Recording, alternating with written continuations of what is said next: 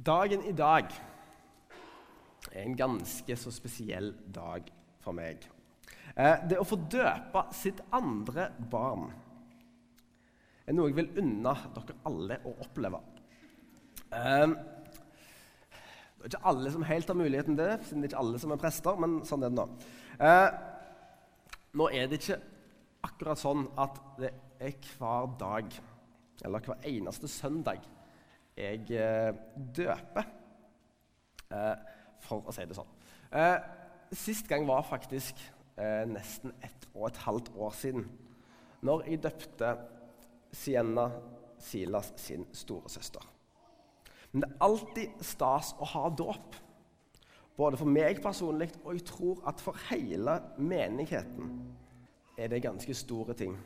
Et lite barn blir en del av kirka vår og Guds kirke i hele verden. I dag er Guds kirke i verden en ganske så stor ting. Det er faktisk over to milliarder kristne i verden. Og denne søndagens tekst så møter vi Jesus når han står og snakker til de som var kirka den gangen. Tolv menn på rundt 30 år. Det var ganske mange flere som var en del av den store Jesusbevegelsen. Men det var disse tolv som var grunnstammen og selve kirka. Det er Jesus som snakker, og det står skrevet i evangeliet etter Lukas om vi reiser oss. La oss høre Herrens ord. Men det er dere som har blitt hos meg i prøvelsene mine. Og nå overdrar jeg riket til dere slik som min far har overdratt det til meg, for at dere skal spise og drikke ved mitt bord i mitt rike og sitte på troner som dommere over Israels tolv stammer. Simon, Simon, Satan har krevd å forsikte dere som vet det. Men jeg ba for deg at din tro ikke måtte svikte. Og når du en gang vender om, da styrk dine brødre. Peter sa, 'Herre, med deg er jeg beredt til å gå både i fengsel og i død.' Men Jesus svarte, 'Jeg sier deg, Peter, før hanen galer i natt, skal du tre ganger ha nektet for at du kjenner meg.' Slik lyder det hellige evangelium.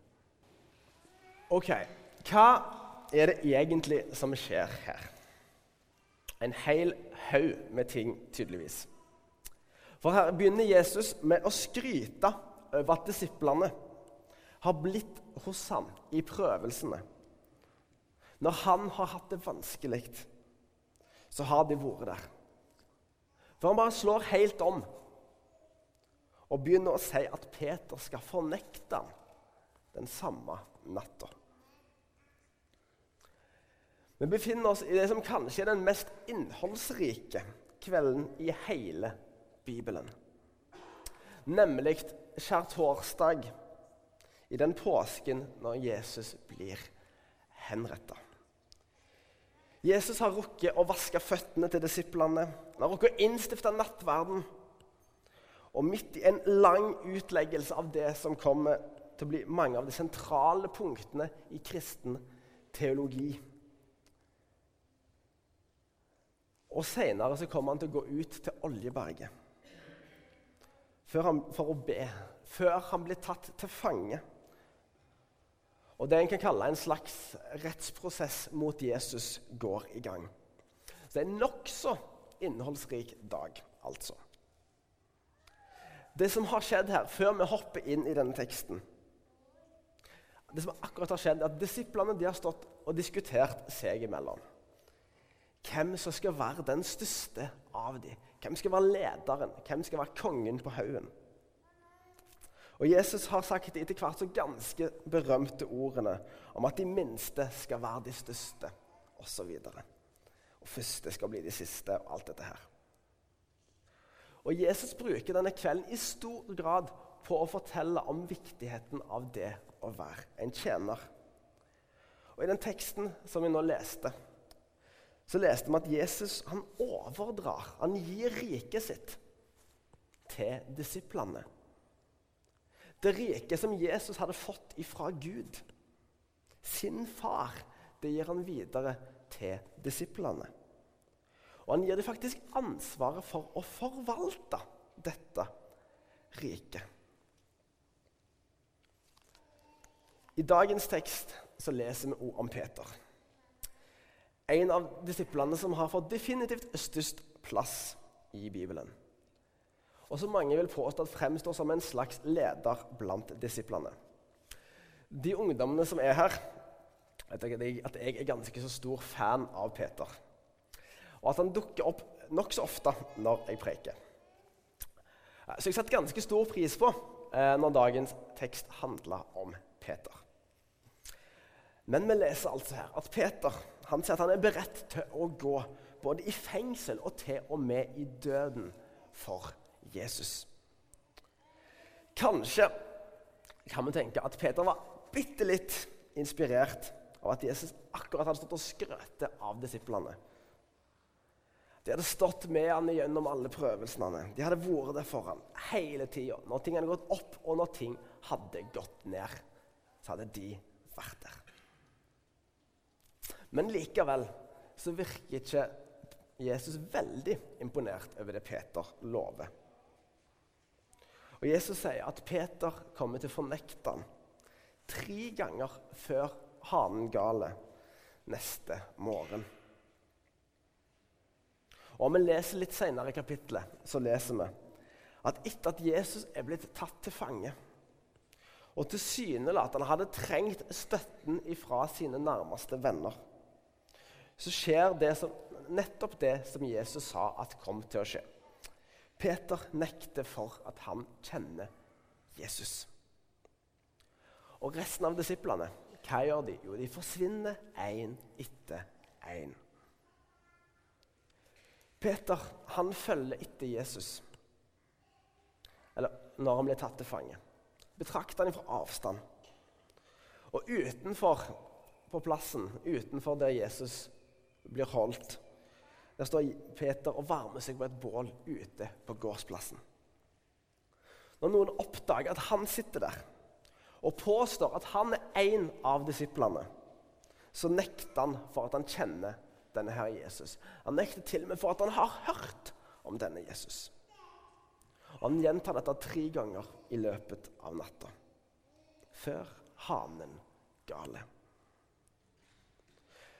Lukas forteller videre om at Jesus snur seg mot Peter når hanen gale.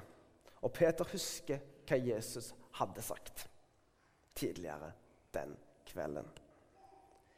Peter svikta når Jesus hadde trengt han som aller, aller mest. Selv om han bare noen timer tidligere hadde lovt at han skulle til og med gå i døden for Jesus.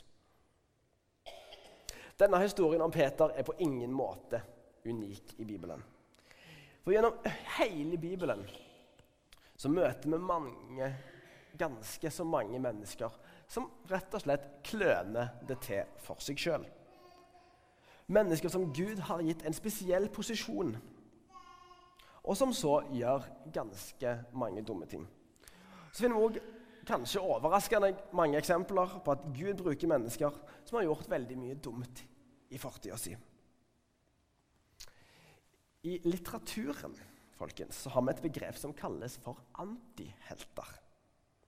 På en måte er det en motsetning til de vanlige heltene. Ja, Vi kjenner denne typiske helten en som alltid får til alt. Selv når motgangen kommer, så lander de på beina. Opptrer stort sett ulastelig. Alt fungerer egentlig. Og de ender, vinner til slutt, ender opp med kongsdattera og halve kongeriket. Og så kan de stort sett fly og noen andre sånne crazy ting. Men antihelten er ikke helt, liksom, sånn helt motsetning til helten. For vi har stort sett med det liksom, som er helten i historien å gjøre. Men den er bare en annen type helt. En type som ikke fikser alt. Sånn som den klassiske helten gjerne gjør. Men en som stort sett går på trynet igjen og igjen. Antihelten har stort sett ganske mange begrensninger og utfordringer. Men til tross for dette så klarer antihelten stort sett å fullføre det oppdraget den er satt til å utføre. men gjerne bare så vidt, og ofte med god hjelp ifra andre. Spennende nok så er altså Bibelen full av sånne antihelter. Mennesker som Gud bruker på tross av sine tabber, sine feilsteg. En av de mest eh, sentrale personene i hele Det gamle testamentet, nemlig Moses. Folkehelten som førte israelsfolket ut fra Egypt. Vasser rundt i en halv evighet i en ikke så stor ørken som man kanskje skulle tro, før han fører israelsfolket nesten fram til det landet som Gud hadde lovt dem. For israelsfolket drar inn uten han. Men Moses var en viktig figur i Israels historie og en kjempesentral person i Bibelen.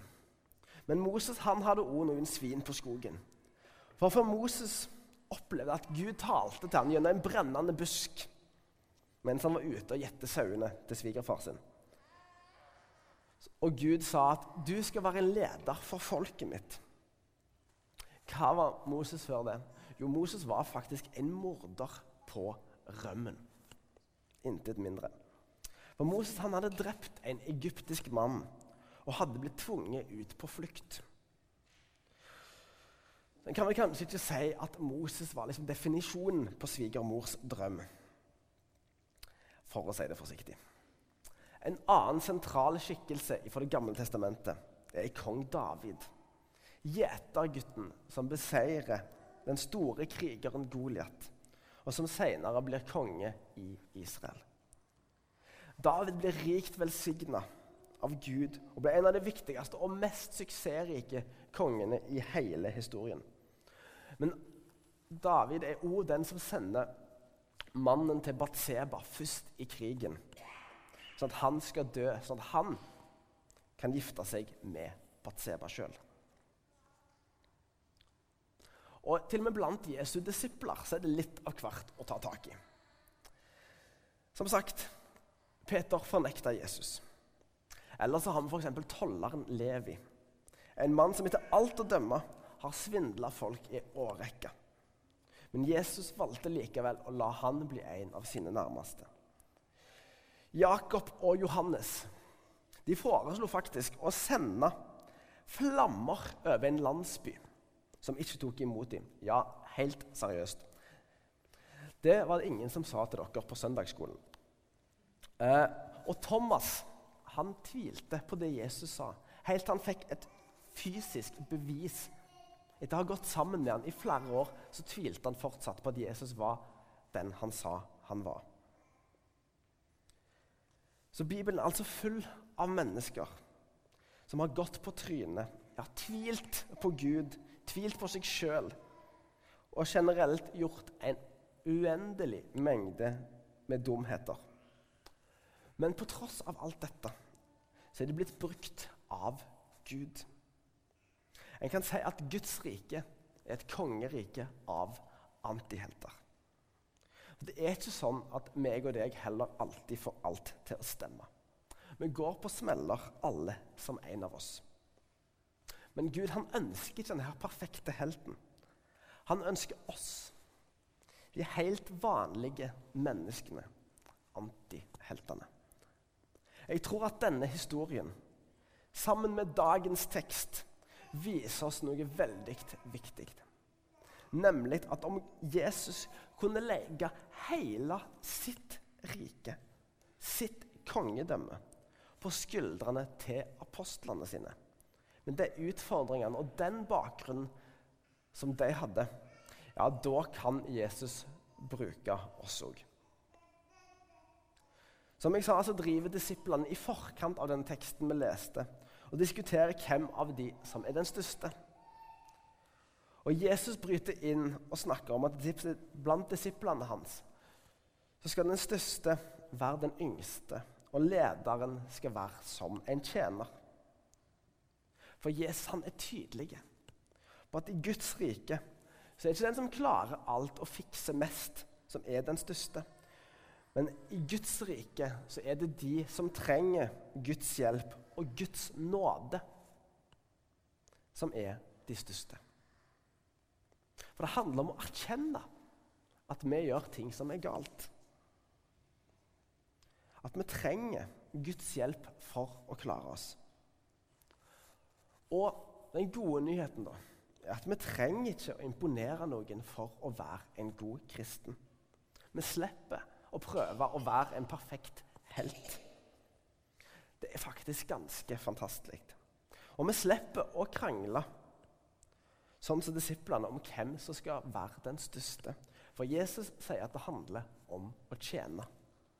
Og ikke minst, vi slipper å prøve å være bra nok for Jesus. For som sagt, Kristen tro handler i første rekke om å erkjenne at vi ikke er bra nok, og at vi trenger Jesus. Det handler om å innse at vi ikke har sjanse til å leve opp til Guds lov, og at vi derfor trenger Guds nåde og tilgivelse.